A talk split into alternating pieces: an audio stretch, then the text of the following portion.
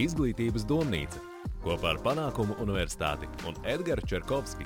Diskusijas par aktuālo izglītības nozarē. Sveicināti, sveicināti cienījamie Panākumu Universitātes klausītāji, skatītāji.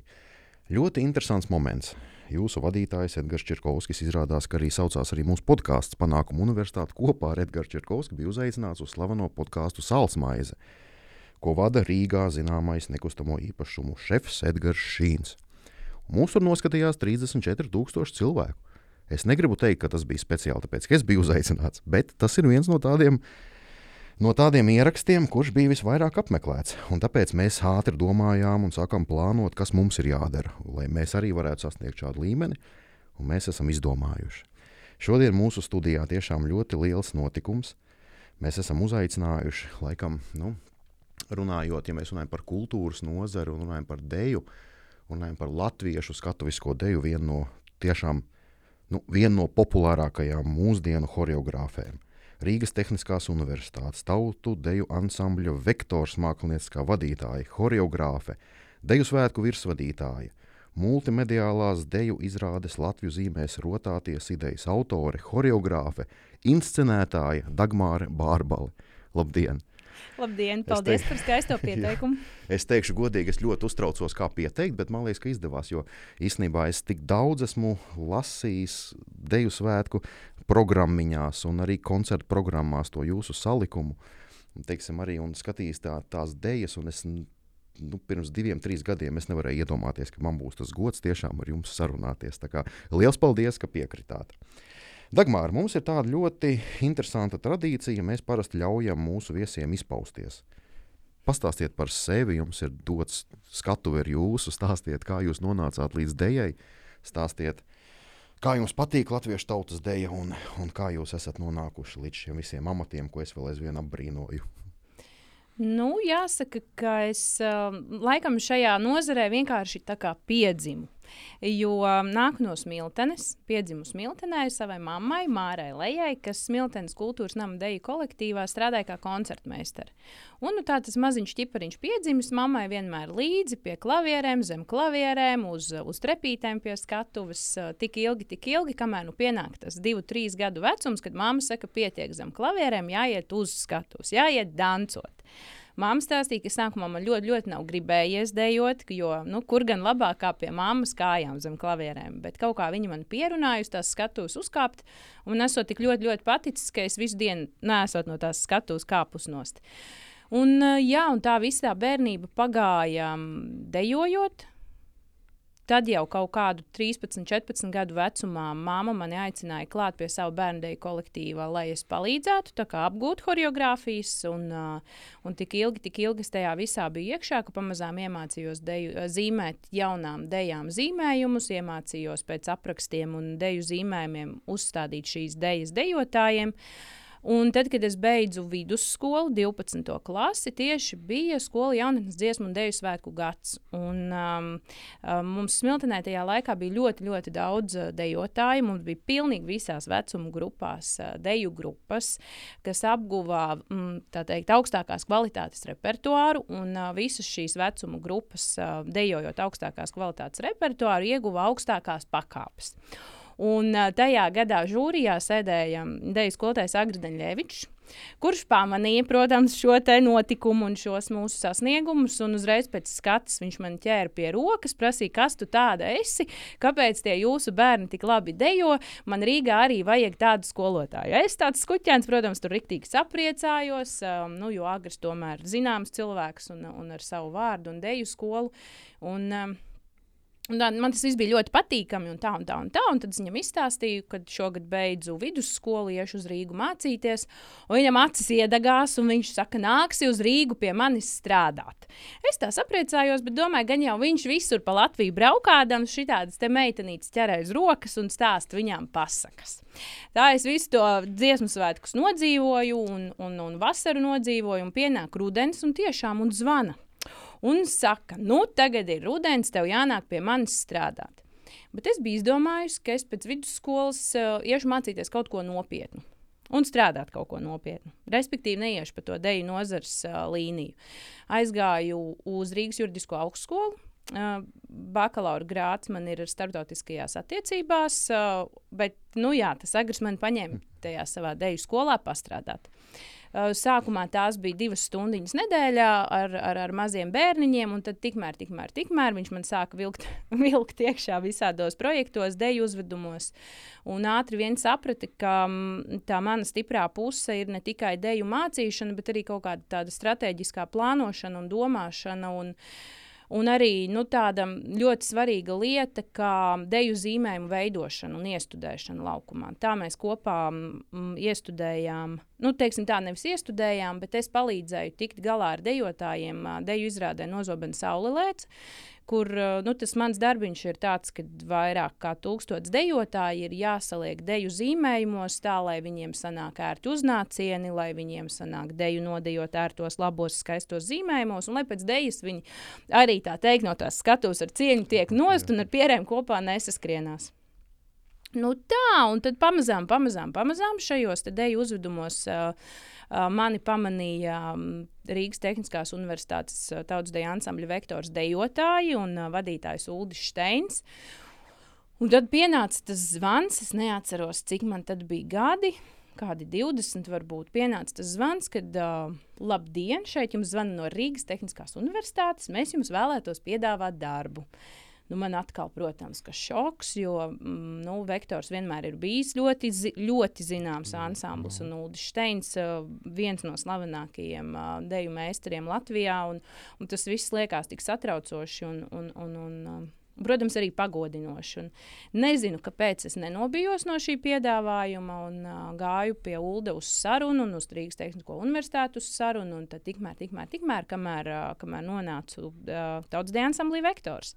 Nu, un tad viss turpinās, turpinās, turpinās, jaunas idejas, jaunas idejas, jauni projekti. Un, un tā nu, mēs esam nonākuši līdz Latvijas zīmēs rotāties.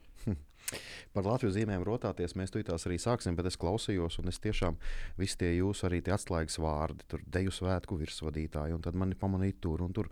Un es no malas kā cilvēks, kurš tiešām bauda latviešu skatuvisko deju, nu, es nevaru noticēt, un es nevaru vispār iedomāties, ka kā jūs stāstāt, ka tas ir tik viegli. Jo īstenībā man bija, es kā bijušais dejotājs, biju, man tādu grāmatiņu uzdāvināja kas 73. gads, saucās Latviešu akadēmiskā deja. Tur bija, es atvēru vaļā, tur bija, paskatījos vienu deju, ja, nu, skani mana tēvu zeme, ko esmu dejojis. 43 lapas puses. Ja? Es, es tā skatījos, tādiem simboliņiem. Izrādās, ka es tik labi akadēmiski dejoju.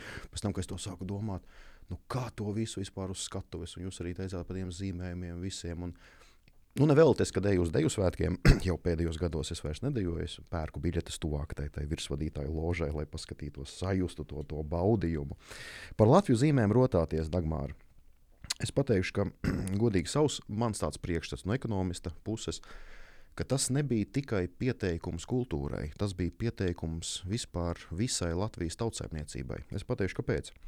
Es biju aizgājis noskatījos, man ļoti patika. Bet es priekš sevis izvirzīju tādu formulu, es domāju, ka ļoti gudri un prātīgi domājuši cilvēki arī izvirzīja tādu formulu, ka kultūra tur bija 10%. Es pateikšu, kāpēc 90% bija nepadošanās tiem apstākļiem, ko mums uzspieda pandēmija.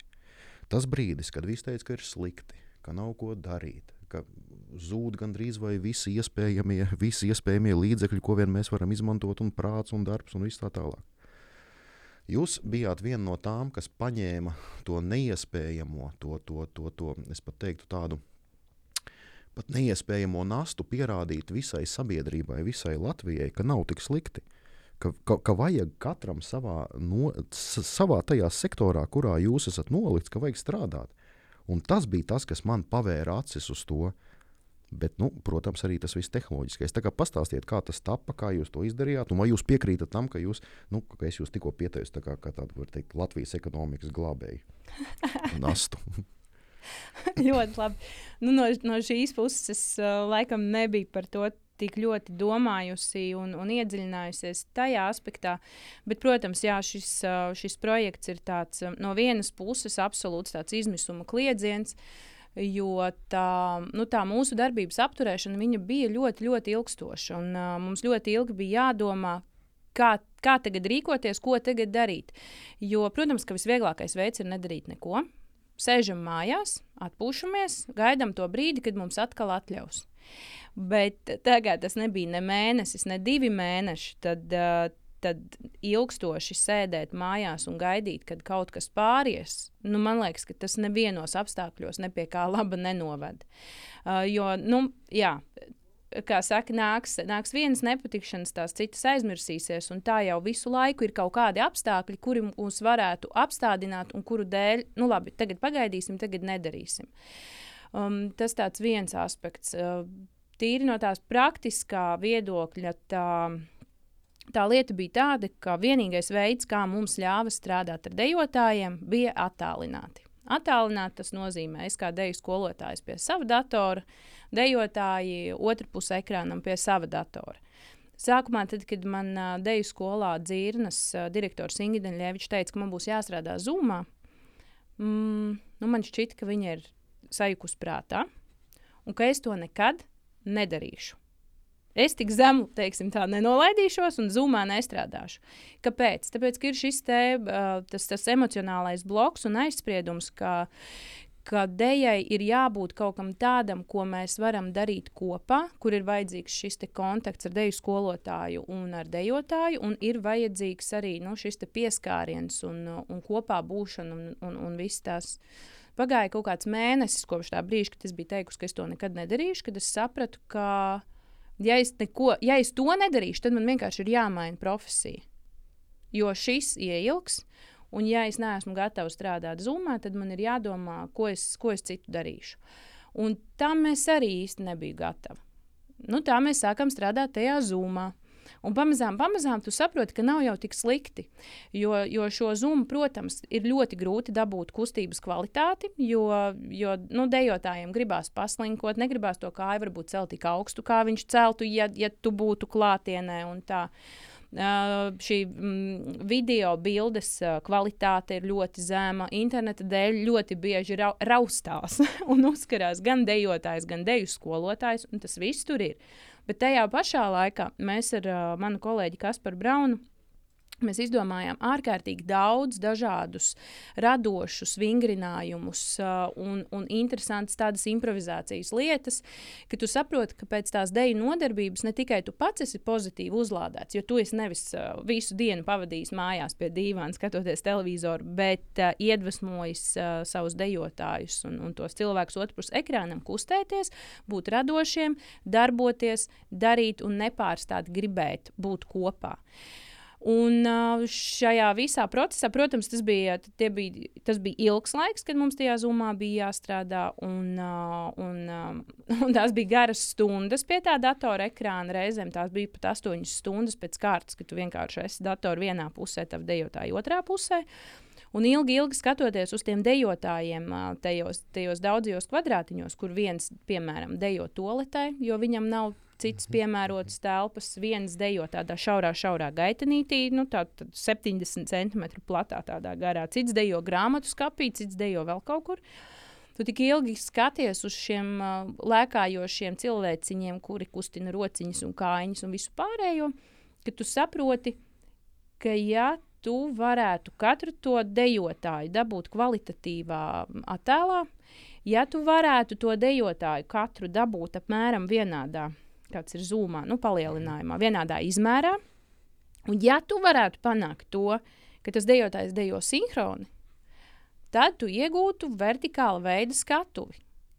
Un, uh, tad mēs sākām dzirnās veidot šādus video klipiņus. Sākumā mēs darījām tā, ka mēs palūdzām uh, pašiem bērniem sevi iefilmēt, vai vecākiem iefilmēt, un tad viņi man sūtīja, un tad es pavadīju ārkārtīgi daudz stundas, lai samontētu šos video kopā. Ejot cauri šim procesam, es sapratu to, ka mm, tad, kad tu lūdz kādam kaut ko nofilmēt, šis cilvēks saskarās ar ārkārtīgi daudz visādiem tehniskiem izaicinājumiem, jo ne visi zina, kā telefonā var nomainīt uh, filmēšanas uh, kvalitāti no HD uz 4K. Ne visiem, protams, arī ir tāda iespēja telefonā šo kvalitāti uh, um, no, teikt, regulēt. Un tad tu saproti to, ka pat ja tu pasaki cilvēkam, ka viņam vajag filmēt tā, ka tas dejotājs ir redzams pilnā augumā un tā, ka tā kamera nekratās, lielākā daļa cilvēku to nav, um, ne, nespēja realizēt. Tādēļ, kad viņi domā, ka nu, turot rokā, tas telefons nekritīsies. Un telefona statīvu viņiem īsti nav. Līdz ar to tie, tie video, kas nāca, viņi bija ārkārtīgi sirsnīgi, jo visi bija centušies. Bet caur šiem video es to, to kvalitāti, kādu es biju iedomājies savā galvā, es viņu īsti nedabūju realizēt. Nu, tad, protams, tā pandēmija nebeidzās, un, un tā, un ir visādi tādi video klipiņi jau, jau īstenoti. Un tad es sapratu, ka tā, pandēmija nebeidzās īsti koncerti notikt nevar. Bet ir šī nerealizētā ideja par tiem kvalitatīviem dejotājiem, kvalitatīviem dejotājiem, ne, bet par tiem kvalitatīviem video, video attēliņiem, kurus saliekot kopā, veidotos kaut kāda veida stāsts. Tad es zvanīju Rēnam Suhānovam, režisoram, un es viņam teicu, Rēni, klausies, kā tu domā? Man ir tāda ideja. Es saprotu, ka tas ir riktīgi traki. Bet Ja mums būtu jaunas, jaunas mūzikas, jaunas choreogrāfijas, ja mēs piesaistītu dejotājus no, nu, teikt, no, no, no visas Latvijas ansambļiem, kā tev liekas, vai šis koncepts ar tiem daudziem dejojošiem kvadrātiņiem, kas izkārtoti Latvijas zīmēs, kā tev šķiet, vai, vai tas strādās, vai tas uzrunās cilvēkus? Vai cilvēki būs gatavi uz, uz to nākt un uz to skatīties kā uz kaut kādu atsevišķu mākslas veidu, kā uz tādu mākslas darbu? Un Reins teica, jā, Un, uh, tagad, tagad tā sēžot un visu to apdomājot, ja Reinis man tajā brīdī būtu teicis, nē, aizmirst, cilvēki nekad nenāks skatīties kinoteātrī, tur ir kaut kādu, kaut kādu video darbu, stundu garu, tad uh, šis nebūtu noticis. Otrs uh, cilvēks, kas man teica, jā, šis strādās, darām to, tas bija mans vīrs Kaspars Bārbals, uh, kuram ir sava skaņu ierakstu studija Lauska. Un, un, un viņš arī bija viens no pirmajiem cilvēkiem, kas teica, jā, interesanti, pamēģinam. Viņš ir tas cilvēks, kurš, uh, kurš mani piespiež uh, iemācīties montēt, kurš mani piespiež uh, uz datora strādāt ar labākām, mērtākām video programmām. Kaut gan tu tikko esi iemācījies strādāt ar to video programmu un lietas man mieru, es gribu strādāt ar to, ar kuru es māku. Es negribu veltīt laiku, lai tagad mācītos strādāt ar to jauno, kura skaitās labāk. Un viņš ir tas cilvēks, kurš man piespiež strādāt ar to, kas ir ērtāks, uh, un, un kurš man iepazīstina ar šīm te tehnoloģijām lielā mērā. Un uh, kurš sākotnēji teica, jā, es tev palīdzēšu, tu tur aizēsi filmēt tos video, un tad es palīdzēšu tev viņus salikt kopā. Nu, tad viņš man tādām divām dēļām palīdz to izdarīt, un tad viņš saka, nu, kas tev ir? Tu taču redzēji, kā es to daru, sēdi pati montē. Un tā kaut kā tās, tās um, kaut kā tā es nonāku līdz tam, ka es pati esmu spiesta, bet tajā pašā laikā, um, nu, nespiesta, bet, uh, bet man principā man paveicās ar to, ka man ir piespiež šo te tehnoloģiju izmantot, jo es pēc tam zinu pati, uh, ko darot ar šo te tehnoloģijas palīdzību, es varēšu panākt uh, dejiskā veidā. Jo, ja es pati nezinātu, ka šos kvadrātiņus var uh, nu, teiksim, tā, apgriezt viņiem maliņas, uh, pārvietot viņus pa laukumu, uh, ja es nezinātu, ka viņus var, nu, es nezinu, kā, kāds vēl varētu būt piemērs, nu, ka viņus var kaut vai to pašu flip funkciju izmantot. Um, ja es to visu nezinātu, tad es droši vien šo izrādi nevarētu uztaisīt. Jo es nezinātu, kā tas, kā tas ekrāna princips strādā. Bet par cik es pati dabūju tam visam iet cauri no paša, paša sākuma, tad es ļoti ātri sapratu to, ka šajā izrādē šīs te tehnoloģiskās lietas, kā piemēram flipošana, vai kopēšana, vai, vai, vai vēl, vēl kaut kādas citas, ka tās mēs šajā izrādē negribam izmantot ka mēs gribam, lai katrā kvadrātiņā ir dzīves cilvēks, kurš šīs kustības ir iedejojis pats. Mēs viņu uh, neflipojam, mēs viņus nekopējam, jo tad būs tā, tā, tā tehnoloģija, tas mākslīgums būs par daudz. Bet tajā pašā laikā, ja es nezinātu, kad ir iespējams kopēt un flipot un visu pārējo, tad droši vien es neaizdomātos, ka visas kustības dejotājiem ir jāmācās ne tikai uz labo pusi, bet arī uz kreiso pusi. Un tā pamazām, pamazām tu to, tu to konceptu attīsti un, un, un tiec līdz tam rezultātam. es tā sadzirdēju visā tajā stāstījumā tādu Jūs arī teicāt, paldies vīram, un pirms tam tajā iepriekšējā jūs teicāt, paldies Ulim Steinam. Tā kā vienot sakot, ka jums nākotnē piešķirs triju zvaigžņu ordeni, jūs vienu, zvai vienu zvaigznīti iedosiet Ulim Steinam un vienu zvaigznīti iedosiet vīram. Oi, nē, ja man būtu jādalās ar, ar zvaigznēm, tad man, man pašai nekas pāri nepaliktu. Man būtu vēl jāpiešķir Jā. vēl, vēl no, no citiem resursiem, jo, jo šis darbs, nu, viņš, viņš ir rīktīgs, rīktīgs kopdarbs. Un, viens nav darītājs, un pat, pat tad, ja tu esi tās idejas sēkliņa, ja nebūtu apkārt tie milzīgi daudz cilvēki, kuri palīdz ne tikai ar savām idejām, bet arī ar reālu, reālu praktisku darbu, tad tāds nu, netaptu, netaptu šī izrāde. un cienījamie klausītāji, tie, kas vēl nav redzējuši, obligāti noskatieties. Mans personīgais favorīta numurs ir pērkons. Tas pērkona uzvedums, tas ir apbrīnojami. Bet es īstenībā es biju aizgājis, es jau teicu, man bija jāiet uz, uz to atklāšanu, bet es, nu, diemžēl, biju ārzemēs, nevarēju. Aizgāju pēc tam. Svētdienā pilna zāle. Cilvēki aplaudēja kājās stāvot, fórums cinemā. Starp visādām tur kaut kādām amerikāņu filmām, ja, kas tur for, tas bija apbrīnojami. Tie, kas to nav redzējuši, es tīri tehniski pateikšu, kas man fantastiski apbrīno kaut ko tādu vispār iztēloties. Zumā, cik es saprotu, bija ap 600 dalībniekiem. Ja? 600. Ja? Katrs cilvēciņš tika nofilmēts atsevišķi un salikts kopā vienā lielā, lielā, lielā uzvedumā. Tas ir. Un, un galvenais, kas bija aizgājis, es to klausījos, to jūsu preambulu tam, tam visam tam uzvedumam. Un es jau pēc tam jau biju gatavs iet prom, jo man patiešām man pietika ar to iedvesmu. Kā jūs pastāstījāt, cik es saprotu, daudz ko arī spēlēja ģimene. Un, un cik es tur atceros tos kadrus, tur tētis taisīja. Tās, tas bija baigi interesanti. Es domāju, es domāju tiešām nu, to var paskatīties tie, kas saka, ka viss ir slikti, ka nekas nenotiek un tā tālāk. Ja? Bet tas bija baigais izaicinājums. Es arī pēc tam domāju, jo. Jūs arī, arī savā stāstījumā tikko teicāt, ka dejā ļoti svarīgs ir kontakts. Ja? Tas nu, kā puisis ar meiteni. Un, Es atceros savulaik arī deju, deju stūru stūriem tēvu zemi. Beigās ir tāds, laikam, tāds, nu, tāds, nu, nu, es nevaru teikt, erotiskākais, bet viens no tādiem brīžiem, kad meitene te uzliek klēpī, tā kā beigās, tajā visā teijas beigās. Tā arī mūsu eh, savulaik liesmas vadītājs Imants Magona, jūsu Ulda Steina choreogrāfa, arī ļoti labs draugs, arī teica tā.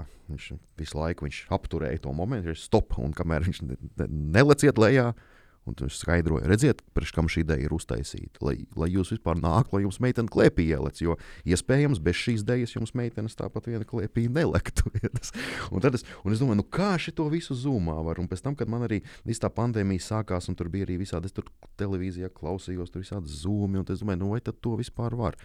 Nu, nē, beigās es aizgāju, paskatījos, izrādās, ka ir cilvēks Latvijā, kas to visu padarīja, ka to var izdarīt. Un lielākā daļa man pēc tam runāja ļoti daudziem dalībniekiem, kas tiešām no visbulītes eh, dejoja, un es viņus pat saredzēju tur kaut kur ekrānā. Viņi teica, ka tas bija tas, kas bija vajadzīgs. Ja, ka bija cilvēks, kas nu, pēc būtības neļāva tam visam sabrukt. Tā kā Dagmāris nevelti teica, ka tas bija ne tikai ieguldījums tādā teiksim, tādā nu, tehnoloģiskajā tādā kultūrā, bet tas bija tiešām visas Latvijas tāds nu, Tiešām, un es nebaidos šo vārdu. Glābiņš tajā laikā, jo ļoti daudz dejotāju, ļoti daudz dejotāju ģimenes tam gāja cauri. Viņiem vismaz bija ko darīt, un, un arī tas bija tas, tas gala rezultāts, bija, protams, fantastisks. Bet mēs runājam tomēr par tehnoloģijām. Un man, es atceros, pirms, pirms pandēmijas Latvijas Universitātē bija radīta tāda programma, uz mākslīgā intelekta bāzes, kas varēja izskaidrot deju zīmes. Vienot sakot, virsvadītājs vairs nav vajadzīgs. Mēs ierakstām deju, nu, teiksim, ierakstām gatavas dēļa. Un mākslīgais intelekts tev uz laukuma parādīs, kā izskatīsies tie smuki zīmējumi. Ja? Bija tāda preses konference, arī tāda, viņi tur baigi lielījās, un tur, tur dalībnieki stāstīja par tām programmām. Un es atceros, es biju aizgājis, un atnāca Ingrīda Saulīte. Vienot sakot, tur to visu rādīja, un es nekad neaizmirsīšu to. Viņa vienkārši, cilvēks sāk to izprezentēt, viņa vienkārši tajā brīdī vienkārši piecēlās un aizgāja prom. Man liekas, ar to viss bija skaidrs. Kā jūs domājat, tomēr tehnoloģijas, nu kā var atrast šo balansu starp tehnoloģijām un tomēr dēļu kultūru, izglītību? Kur ir tā robeža? Cik tālu varam iet? Tas ir sarežģīts jautājums. Um, kas attiecās uz Latvijas zīmēs rotāties, uh, man ļoti ilgi bija. Uh, bail, un man nebija pārliecība par to, ka latviešu skatuviskās dejas piekritēji un dejotāji un, un vērotāji būs gatavi skatīties skatuvisko tautas deju šādā formātā. Jo mm, nu, tā, klā, tas klātbūtnes efekts un tā, tā cilvēciskā sajūta un, un, un tas kontakts un savstarpējā enerģijas apmaiņa, tas ir ļoti, ļoti, ļoti svarīgi. Tas ir ļoti svarīgi. Uh, bet um, tas, kas ir jāsaprot, ir tas, ka šajā situācijā mēs vienkārši tikām nolikti tādos apstākļos, ka vai nu tā, vai nekā. Un mēs šo tehnoloģiju izmantojām uh, tāpēc, lai realizētu kaut kādu māksliniecisko ieceru. Respektīvi, tā tehnoloģijas izmantošana nebija tāds, uh, tāds pašmērķis. Mēs izmantojam tehnoloģiju, tāpēc, ka mēs varam. Nē, mēs izmantojam tehnoloģiju, tāpēc, ka mums viņu vajag, lai mēs varētu īstenot to savu ieceri. Um, nevelti arī mm, šajā izrādē mēs ļoti daudz izmantojam dažādus rekvizītus, lai izveidotu, lai dabiskā veidā šajā ekrānā izveidotu zīmes, nu, piemēram, tās pašas tautiskās jostas. Viņas jau varējām neizmantot dzīvajām. Mēs varējām uzprogrammēt uh, jostiņas pa diagonālītēm, pa rūtiņām un tā tālāk, un veidot mākslīgā veidā šo zīmi. Bet uh, tas, ka mums izdevās, uh, izmantojot dzīvus rekvizītus, dzīvus uh, cilvēkus, kuram pašam ir sava emocija, kuram pašam ir sava izpratne par kustību, kuram pašam ir savs kaut kāds raksturīgais izpildījums, ka mums izdevās šo kvadrātiņu piepildīt ar dzīvību. Un pēc tam, pateicoties tehnoloģijai, viņu salikt kopā, Tā jau ir tā vērtība. Um, tā, tā, tas variants, kad mēs izmantojam tehnoloģiju vienkārši tāpēc, ka mēs varam viņu izmantot, un, uh, un, un, un tas mums varbūt atvieglos kaut kādu neksim, dzīvi un kaut kādu to procesu, tas uh, kaut kādās dzīves situācijās tas noder, bet vai tas noder kultūrā, mākslā, es domāju, ka drīzāk nē. Bet uh, tā viennozīmīgi pateikt, kur ir tā robeža un, un, un kur ir kaut kāds līdzsvars, arī nevar. Jo es domāju, ka būs arī skatītāji, kam šī izrāde liksies jau nu, par daudz.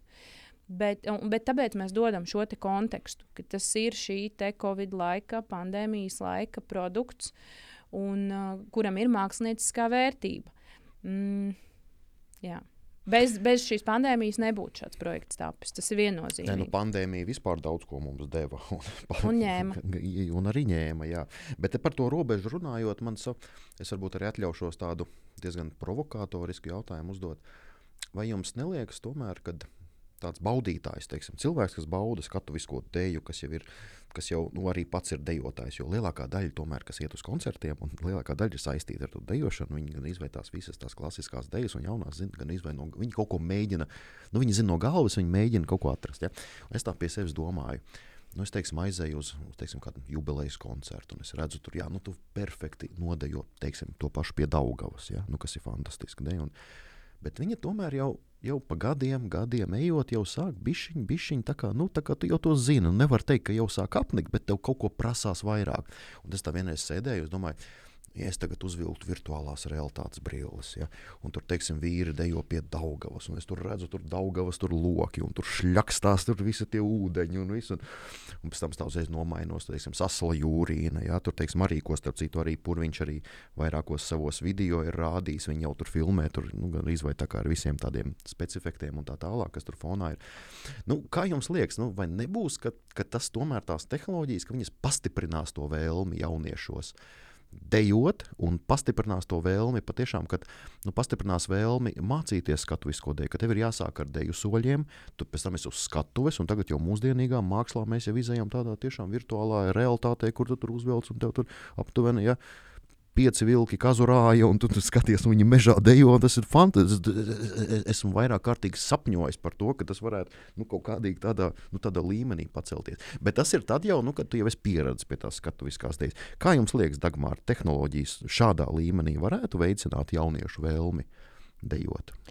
Es domāju, ka tā pri primārā, primārā sajūta, kāpēc uh, cilvēks izvēlās dejot, tomēr neslēpjas tehnoloģijā, bet, eh, bet, bet sajūtās. Uh, tajā pašā kopības sajūtā un, un, un, un, enerģijas apmaiņā starp skatītāju, kurš aplaudē, un, un, un starp savu deju partneri. Un, man liekas, ka tas primārais tomēr ir tur. Tajā pašā laikā es ļoti labi zinu to, ka pēdējos gados dejotājus tautas dienas ansambla vektors, tie, kas nāk no jauna, viņi nāk tādēļ, ka vektoram ir interesants uh, sociālo uh, kontu, sociālo tīklu saturs.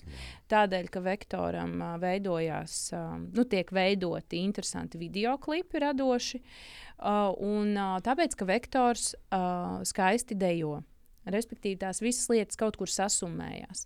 Uh, un, uh, un laikam jau ir tā, ka, um, tā, ka tās mūsu aktivitātes kaut kādā tehnoloģiju jomā kaut, kaut, kaut kādi tādi jauni. Jauni, inovatīvi risinājumi, viņi piesaista šos jaunos cilvēkus. Bet teikt, ka tikai tādēļ tie dejotāji dejo, es domāju, ka nē. Un es domāju, ka tas arī īsti nekad nebūs tas primārais. Tas var kaut, kā, kaut kādas sajūtas kā pastiprināt, teiksim, tu, ja tu izvēlies iet uz vienu vai otru kolektīvu.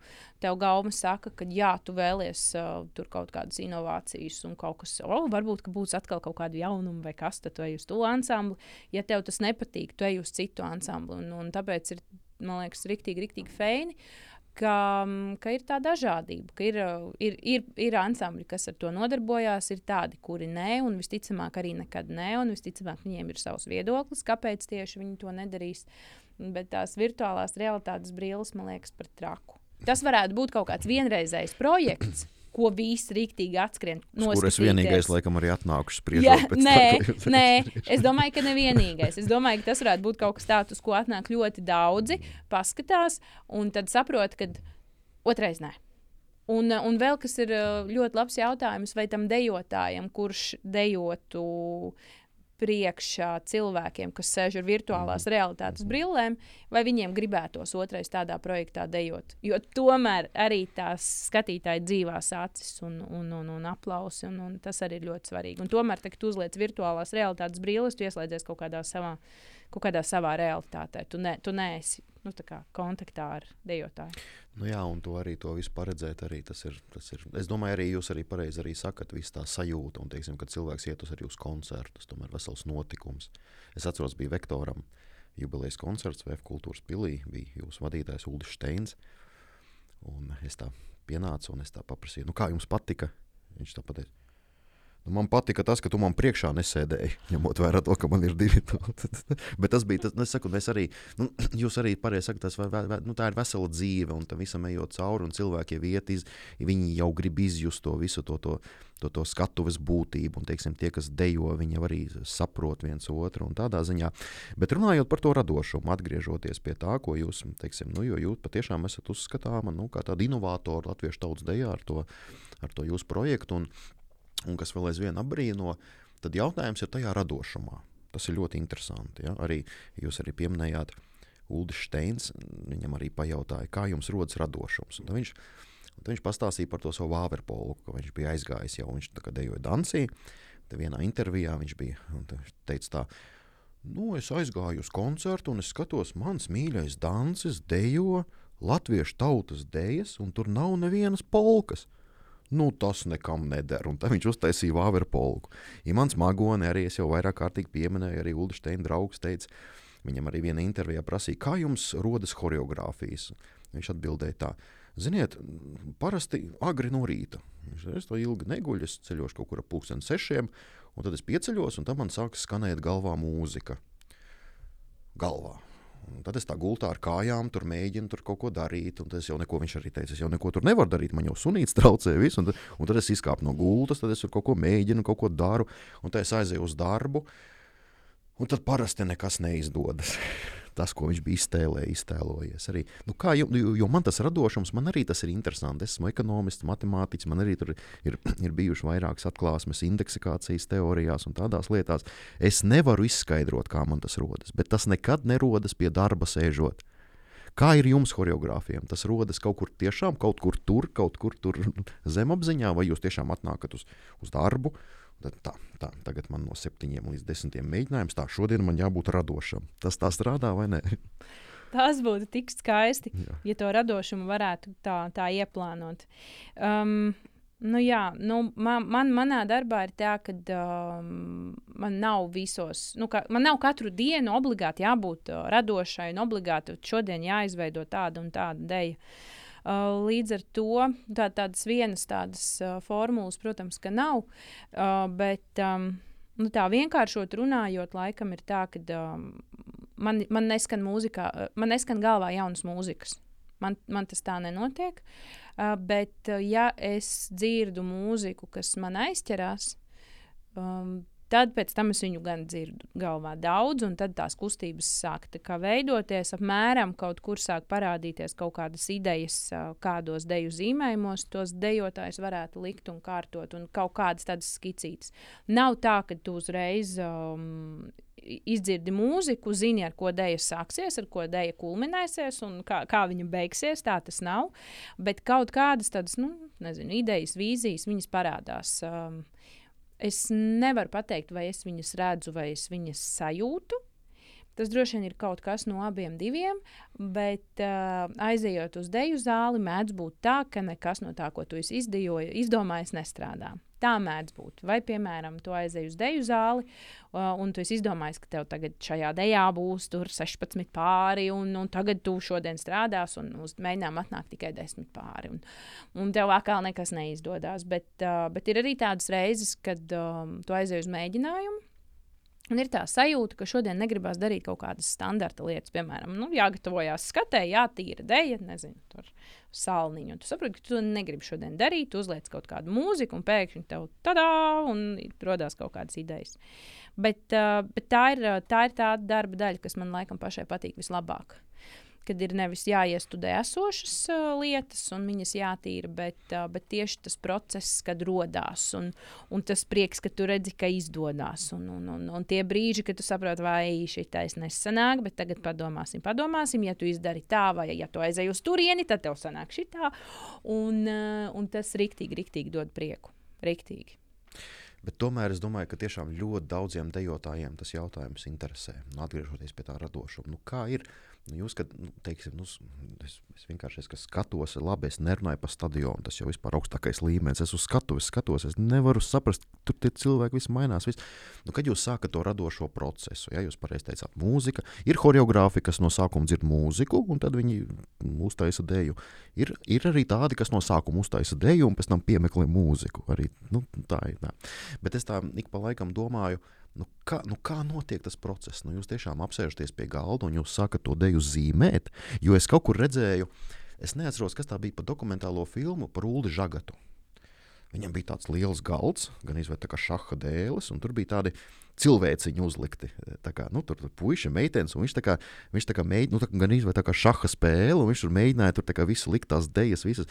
Es domāju, ot, nu, tas ir kārtīgs pieejams. Tagad tehnoloģijas arī tur ļauj to visu bīdīt. Nu, kā tomēr ir no sākuma tas ienāk galvā, un pēc tam tas tiek atdarināts?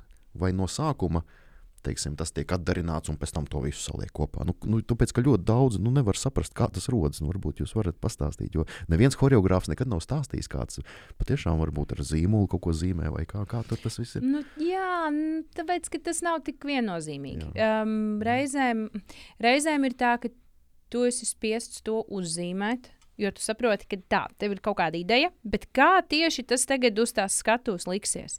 Un, jā, un tad es ņēmu uz rūtiņu lapas un zīmēju cilvēciņus. Puisīts ir V burtiņš, meitenīte ir U burtiņš, un tad tu sazīmē, un tad mēģini ar būtiņām saprast, cik tālu viņš varēs aizvirzīties. Iespējams, pats celies kājās un izmēri, cik tu tur, piemēram, ar četrām polkām tālu varēs aizdot. Bet ir tādas reizes, kad šis zīmējums nav nepieciešams, jo tev ir skaidrs, nu, ka tam būtu jāstrādā. Eju zālē, reku man ir dejotāji, izdarām šitā, šitā, šitā, skatāmies, vai sanāk. Un tad vis, tā, tā lieta, kas kaitina visvairāk mani, ir tā, ka es esmu izdomājusi, un es tiem dejotājiem stāstu. Un viņi uz mani skatās lielām acīm, viņi nesaprot, ko es viņiem stāstu. Es viņiem rādu, jums tur jāiet tā, un tad jums šī jāpagriežas. Un nē, šiem četriem pāriem nav jākustās. Nē, kāpēc jūs nekustaties? Jums taču ir jākustās. Un es jau saprotu, ka es jau sāku uzvilkties. Un te pašā laikā es saprotu, ka viņi jau nav vainīgi, jo viņi jau nav tajā manā galvā, un viņi jau neredz, kā es to redzu. Bet uh, tas, tas brīdis, kad tu tā kā. Respektīvi, ir jāatrod brīdis, kad tu to radošumu bišķītiņu iepauzē, sastruktūrizē, realizē. Ja tu vienkārši plivinies tādā radošuma mākonī, tad um, man liekas, ka šajā nozarē neko nevar radīt. Jo tev ir jānolaižās, tie zīmējumi jā, jāuzzīmē, nu, agrāk vai vēlāk. Jā. Ja, ja tu to nedari pirms dēļas izveides, tev tas ir jāizdara pēc dēļas izveides, lai pēc gadiem, desmit kāds pēc tā tava zīmējuma to dēļu varētu uzlikt un, un, un dejot. Un tā. Bet uh, vienkārši plivināties kaut kādā radošuma, eifórijas mākonī nevar. Jo neviens cits jau to tavu ideju nerealizēs. Nu, tas vēlreiz pierāda, ja mēs tā skatāmies, jūs esat jurists. Ja? Nu, Nu, negluži. Gan drīz vai nu, tā Nu, kā pēc negluži. izglītības.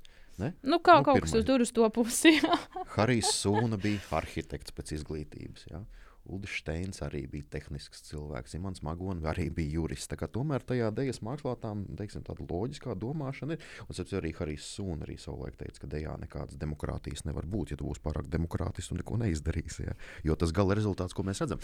Bet man tomēr interesē, es tā klausījos, jūs arī teicāt, ka jūs zīmējat tos V un U. tad, Nu, kā, kādas ir tās sajūtas? Teiksim, parastie skatītāji aiziet uz Daugavas stadionu. Tas ir fantastisks notikums. Jau. Mēs jau sākam gatavoties divas, trīs dienas iepriekš, ka mums ir biļets. Viss. Bet kas man interesē vienmēr, kad es arī skatos uz to tribīni, un, un kur stāv tie virsvadītāji, lepnu skatu skatās uz tiem 14,000, kas tur izpild. Man liekas, ko jūt cilvēks, kurš teiksim, Dagmār, tā kā tu teici, ja, tu tur uzzīmē, tur vēja burtiņa, tur ūburtiņa, tur kaut ko tur uz kladītes, kaut ko saliec. Tad paiet divi, trīs gadi, un tad to tavu vēju un ūburtiņu to dejo, var teikt, visa Latvija vienā, vienā vietā. Nu, ko cilvēks var just, nu kā var nesajukt prātā no tām emocijām, kas tev pārvalda? Jo man jau sēžot kā skatītājam, man jau emocijas, jau nezinu, es jau gribu lekt un, un, un skriet un vi, vi, vi, visus viņus sabučot. Tad virsvadītājs, nu kā? Kādas tās sajūtas un kā tas ir? Um, es nevaru pateikt, ka visiem ir tādas Jā. sajūtas kā man. Bet um, tad, kad uh, man ir jāstrādā ar, ar šiem lielajiem cilvēku pūļiem, ar tiem tūkstošiem dejotāju, kas ir jāsakārto deju zīmējumā, um, pirms tam kādas divas, trīs naktis nevar pagulēt. Uh, jo ir uh, nu, tā kā galvā tu visu laiku ej cauri uh, tiem zīmējumiem, uh, pārbaudi pats pie sevis, vai tu neesi kaut ko izdomājis pilnīgi nepareizi, vai tie dejotāji tiks vietās, vai viņi paspēs. Tad tu sāc šaubīties par to, vai, nu, vai tas, ko tu esi uzzīmējis, ir, ir pareizi. Tad tu sāc šaubīties par to, vai tas, ko tu esi uzzīmējis, vai tiem dejotājiem būs tas bijis skaidrs. Un, respektīvi, ir diezgan liels satraukums um, ar, ar, ar, ar taureņiem vēderā un ar visu to, ka kā liekas, ka viss ir slikti un nekas neizdosies. Bet, uh, nu, tā teikt, latviešu nerunājot, fake it till you make it. Tev vienkārši ir jāizliekas, ka viss ir kārtībā. Tu tagad stājies tajā tribīnē un sāc to mēģinājumu. Tajā brīdī liekas, ka viss pasaule apstājās un uh, tu vienkārši pamirsti lēnām. Un tad tu ievelc elpu un sāc turēties pie tās savas sistēmas, kurai tu esi daudz, daudz reizes gājis cauri. Slikti ir tad, ja nonākot augšā tribīnē, tu sāc, uh, ja tu tad šaubies. Ja tu sāc ķerstīties pa zīmējumiem, ja tu netie, nepieturies pie tās struktūras, kas iepriekš dejotājiem ir izskaidrot, ja tu sāc, nu, teiksim tā, radoši plivināties, nevis iet konkrēti tā. Pirmais gājiens, otrais gājiens, trešais gājiens. Un, uh, un tā lēnām, ar ļoti lielu pacietību, ar ļoti strukturētu, sakarīgu skaidrošanu. Jo tu nevari dejotājam teikt, ej, tu sarkanajā krekliņā paiet. Ko tur tas trešais kvadrāts man jā. tur dara? Jā, paiet uz labo pusi. Nē, ne jau uz to labo pusi, uz otru labo pusi. Nē, ne jau tu, bet tu. Jo tad viss laukums vienkārši mm, paliek traks. Jo uz laukuma esot dejotājiem ir ļoti svarīgi, lai virsvadītājs skaidri, skaidri pasaka, ko viņš grib. Uh, un tad tu tādu vēsu prātu pabeidz mēģinājumu. Tagad iesim no sākuma ar ierakstu. Piespiežās tā poga, sāk skanēt mūzika. Un tad ir tas brīdis, kad tu saproti, ka izdodas. Un tad ir sajūsma, tad ir absolūta sajūsma. Ir tā, ka, un tas parasti ir tieši tajā pirmajā mēģinājumā, kad iet ar to, ar to ierakstu cauri. Tev joprojām kā acis uz visām pusēm šaudās, vai visi visur paspēs, vai viss notiks, vai viss būs tā, kā tu esi iecerējis. Un tajā brīdī, kad tu saproti, ka ir, tad ir nenormāli liela, milzīga sajūsma un, un riktīgs atvieglojums. Pēc tam koncertos jau tās sajūtas ir nu, tādas, tādas mierīgākas. Nu, tāda lab, labi padarīta darba sajūta, tu vairs neko nevari ietekmēt, tagad viss ir atkarīgs no dejotājiem. Tur, tur man tas satraukums vairs nav tik liels, kā viņš ir tieši tajos pirmajos mēģinājumos un, un, un caurlaides mēģinājumos. Nu, jā, tie ir. Es tā klausos arī tie slavenie, slavenie atslēgas vārdi, caurlaides mēģinājums, tagad ir ieraksts. Un, un tas tomēr tā ir. Jūs arī pareizi pieminējāt, es arī, teiksim, Ilzai Mažānai, arī viņa virsvadītājs vienreiz uzdeva jautājumu. Nu, kā tas ir? Tu nokāp no tribīnes, nu, tu tikko tur, kā, tur 14,000 gandrīz kopā likus. Ko tu jūti? Viņi pateica, tā, tu zini, Edgars, es, es tajās 10, 15 minūtēs es vispār esmu kaut kur tur. nu, nu, ka viņi vispār, es saku, nu, bet, nu, labi, es saku, nu, labi, nu, nestāsti, nu, tā. Es saku, tā ir. Nu, tiešām tā ir, kad, kad tā kā jūs, jo nu, patiešām tas ir tāds spēks, tāda enerģija, tas ir, uh, Tas ir, un vēl tās visas latviešu zīmes, kas liek kopā. Tur ir sava doma, tā mūzika. Tas nav, tas nav tikai salikt kopā 14,000. Tā ir vesela, nu, es teiktu, vesela tāda nu, maģija visā tajā. Nu, kā var, nu, kā vispār, patiešām jūs sakat, ja negulējat tur divas, trīs dienas, bet kā vispār pēc tam, pēc tā visa, ko jūs izdarījāt, kā, kā, kā var Nu, ņemot vērā to, ka, es teikšu, godīgi, visi virsvadītāji, mums parastajiem bijušajiem dejotājiem, esošajiem dejotājiem, ir kā dievi, var teikt, ja gan arī nu, godīgi tas ir visi ansambļu vadītāji un, teiksim, arī tas viss saliekot kopā. Nu, kā var visā šajā burzmā un visā tajā maģijā dzīvot parastu dzīvi. Kā jūs, kā jūs pēc tam varat atrast, nu, jo nu, es nevaru iedomāties, ka es, teiksim, ja es nokāptu lejā, tur apmētāts ar ziediem, visu, tad, tad, tad, tad, man liekas, es vispār aizietu uz, uz pāris nedēļām kaut kur, neteikšu, kur, bet, bet, bet, bet kā, nu, kā, var, kā var pēc tam dzīvot, jūs teicat, vīrs un, teiksim, ģimene un viss, nu, kā var to visu savienot, jo man liekas, tas ir, tas ir divas nesavienojamas lietas. Bet izrādās, ka var savienot. Kā jūs, kā jūs, varat, kā jūs ikdienā pavadat laiku teiksim, pēc, pēc, pēc visa šī? Un, teiksim, beig, un tu tās būs dzied, dziesmu deju svētki, un Dagmāra Bārbala, un deju viss beigsies, nu, beigsies svētki, viss jūs intervēs. Un jūs pēc tam, pēc tam iet vasarā, un kā jūs pavadat vasaru, kā jūs atkal meklējat spēkus jauniem izaicinājumiem. Jā, nu kaut kā ļoti romantiski tas izklausās. Bet tā arī ir. Nu, nopietni, nu, jebkurš pateiks, ka tas ir. Kur... Tas, tas laikam jau ir tā, ka uh, tas, tas no, no malas izskatās ļoti romantiski un ļoti, uh, ļoti pār, pārcilvēciski, pārdabiski. Un, un, un, un galu galā tas no malas arī izskatās droši vien ļoti viegli. Tas, ko mēs darām. Un, un tad ir tāds viens teiciens, ka, uh, ja no malas liekas, ka tas, ko tu dari, ir viegli, tad tu visu dari pareizi. Uh, Un, uh, un man ļoti daudz cilvēku ir teikuši, nu, jā, tev jau viss no gaisa krīt, tev jau, tev jau tas ir nāk tik viegli.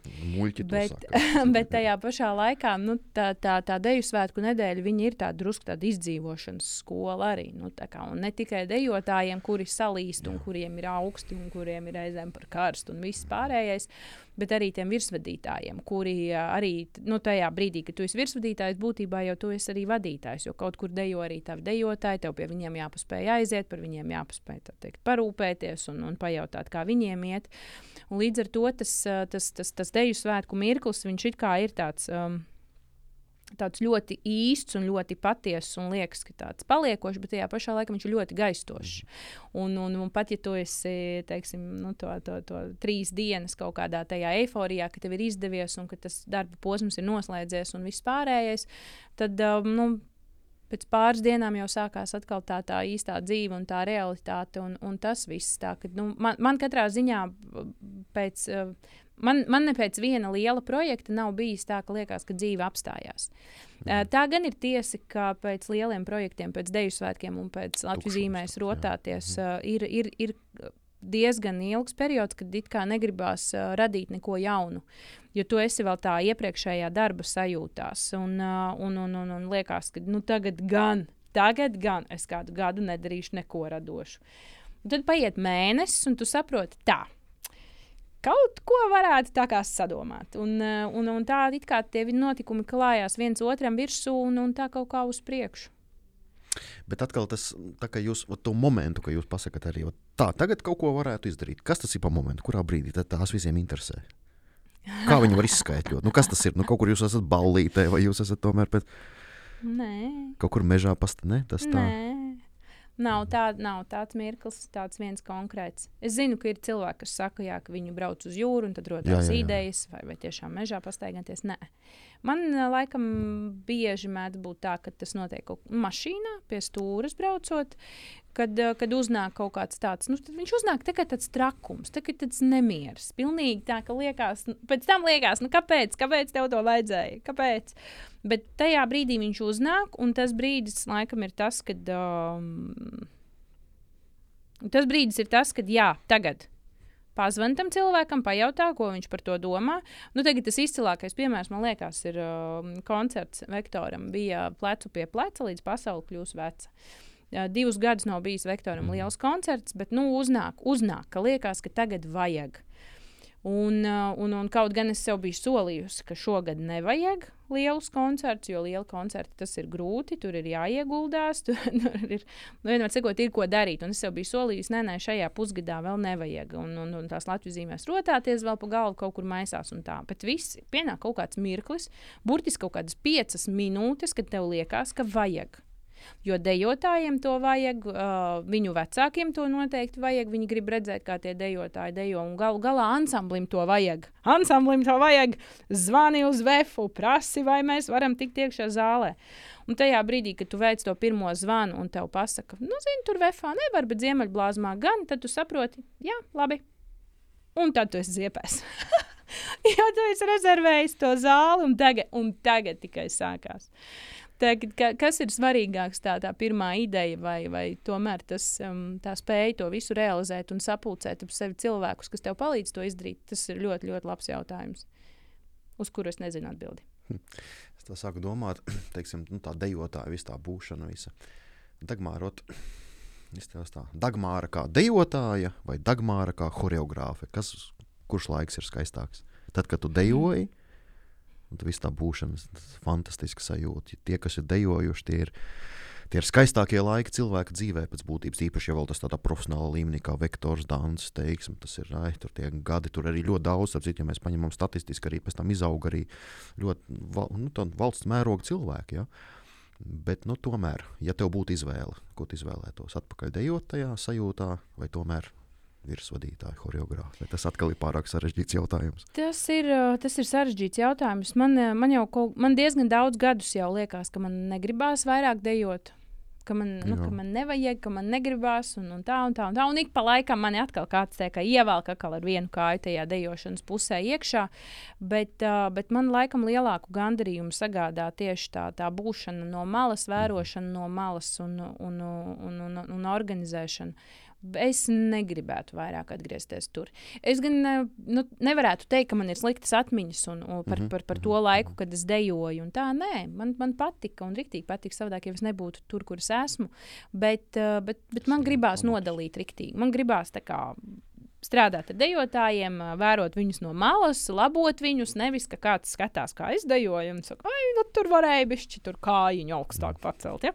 Nu, nē, kaut kā vairs negribās uz tās skatuves tā pašai. Taisnība jau ir. Taisnība jau ir. Tad Daudz arī saka, vai es gribētu atgriezties. Nu, ko tur atgriezties? Smags fizisks darbs, iestājas tas drausmīgi, visas balets stundas, visu bļauj, kliedz virsū drausmas. Es nedod Dievs. Es ne...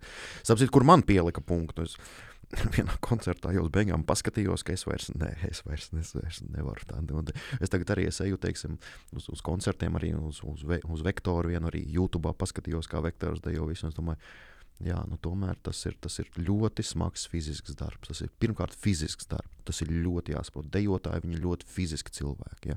Tas ir jāsaprot. Bet, nu, Daudz to tiešām nesaprot. Jūs arī, arī pieminējāt arī savā stāstījumā, ka no malas tur, ē, tur aizgāja, tur, ja tur dēja tur 3-4 minūtes. Ja.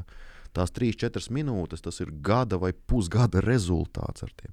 A, nedod Dievs, kas vēl tur skato, a, a, kas aiz kulisēm notiek. Es vēl varu pastāstīt, es, es pats kā deju, teicu, kur man ir zābaki? Tev, man, man, es atceros, man bija jāiet ārā, viss man vēl meitenes vēl pogā, tur kreklu knapi, bet uz skatuves tev ir pienākums, viss pat bikses plīst vienalga, tur ir viņa skatu, tu esi uz skatu. Tas ir, un arī Dagmar arī ļoti pareizi pateicis, ka tas ir ļoti smags darbs pret sevi, pret, pret skatītāju, pret to publiku, jo uz tevi, uz tevi cilvēks skatās. Un tad viņi atnāca paskatīties to deju. Mm. Dagmār, nu saliekot kopā, nu jūs tiešām ar to Latvijas zīmēs rotāties un to visu savu darbu. Jūs jau esat ierakstījusi sevi latviešu skatuviskās dejas vēsturē. Tas ir vairāk kā skaidrs. Turpmākie plāni, ko mēs varam sagaidīt? Ko, ko, ko dejotājs var sagaidīt? Nu, kas būs tas, kādi jums, kādas idejas mēs varam par to aptuveni domāt? Vai? Nu, laikam jau nē. Nē, skaidrs, jā. laikam jau nē, bet nevis tāpēc, ka man negribās dalīties, bet tāpēc, ka man nav šobrīd tādi nu, lieli, lieli, lieli plāni, kur, kur es zinu, ka tur pēc gada būs tas vai pēc diviem būs tas. Tas, uz ko mēs ļoti, ļoti strādājam ar ansambli, tie, protams, ir 2023. gada vispārējie dziesmu un deju svētki, un tur es tiešām ar visiem nagiem un ragiem esmu par, kā tik tie svētki varētu būt. Nu, tā kā, nu, un lai viņi varētu būt tādi, kā mēs esam pieraduši. Notiks, notiks, Klātienē, jā, nu, ļoti, ļoti, ļoti, ļoti, ļoti. Un, un, un šodien, kad mēs parunājāmies, arī tās tavas sajūtas par, par, par dziesmu svētkiem, par tām, par skatītāju sajūtām un, un dalībnieku sajūtām, viņas arī lika riktīgi atgriezties tajās sajūtās sajūtās, kuras mēs nu jau neesam piedzīvojuši ļoti, ļoti, ļoti ilgi.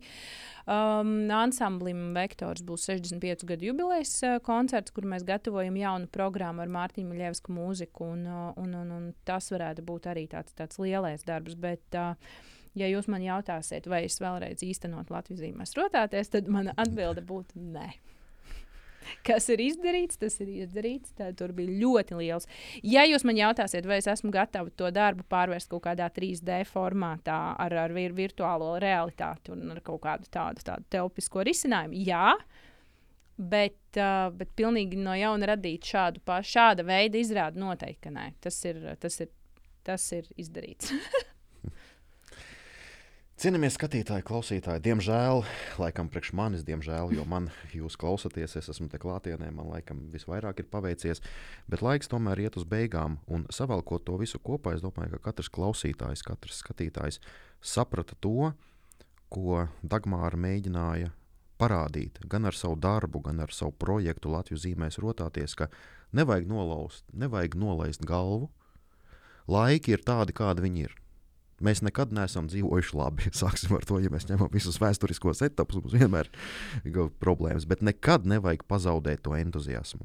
Un pat pašos smagākajos laikos, ko Latvija piedzīvoja pēdējo gadu laikā, bija cilvēki, kas saņēmās, un ne tikai saņēmās, bet izdarīja ne tikai lielus darbus, bet ierakstīja sevi savas nozares vēsturē, tieši konkrēti Latvijas skatuviskās dejas vēsturē. Esmu vienkārši pārliecināts, ka tad, kad es aiziešu pensijā, Un, kad teiksim, mani mazbērni tiešām tas būs, jo tas, ko jūs izdarījāt ar to savu ideju, ar visu, tas ir vienkārši apbrīnojami. To neviens nekad līdz šim nebija izdomājis.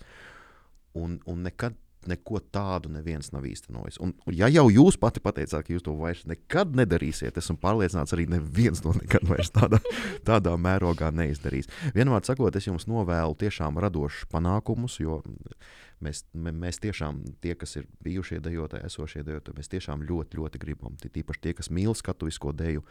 Mēs ļoti liekam uzsvaru uz choreogrāfiem. Mums ir kaut kas vajadzīgs. Mums ir tāds kaut kāds bijis tas posms vēl arī pirms pandēmijas, un arī tajā simtgadē jau tās dēļas, nu, jau, jā, nu, kaut ko jaunu gribās. Tiešām visi gaida kaut ko jaunu. Un es esmu, pēc mūsu sarunas esmu pārliecināts, ka jums tas izdosies. Un, un, un tā kā jūs teicāt, ka es prasīju, nu, kad būs kaut kas jauns, nē, nekas jauns nebūs. Esmu pārliecināts, ka es pēc, pēc, kaut kāda, pēc kaut kāda laika uzaicināšu, un mēs to varēsim salikt kopā, un tur atkal būs kaut kas tāds liels gandarījums. Tā kā vienmēr sakot, paldies, dārgie klausītāji, ir jums kopā bija panākuma universitāte, horeogrāfe, deju svētku virsvadītāja Dagmāre Bārbale. Paldies! Paldies!